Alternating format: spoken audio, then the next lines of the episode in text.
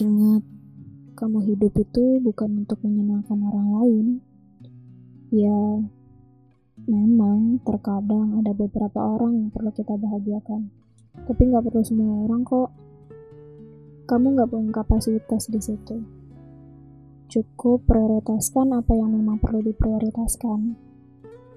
Kamu punya dua tangan, bukan untuk membungkam mulut orang lain. Cukup tutup telinga dan bergerak maju.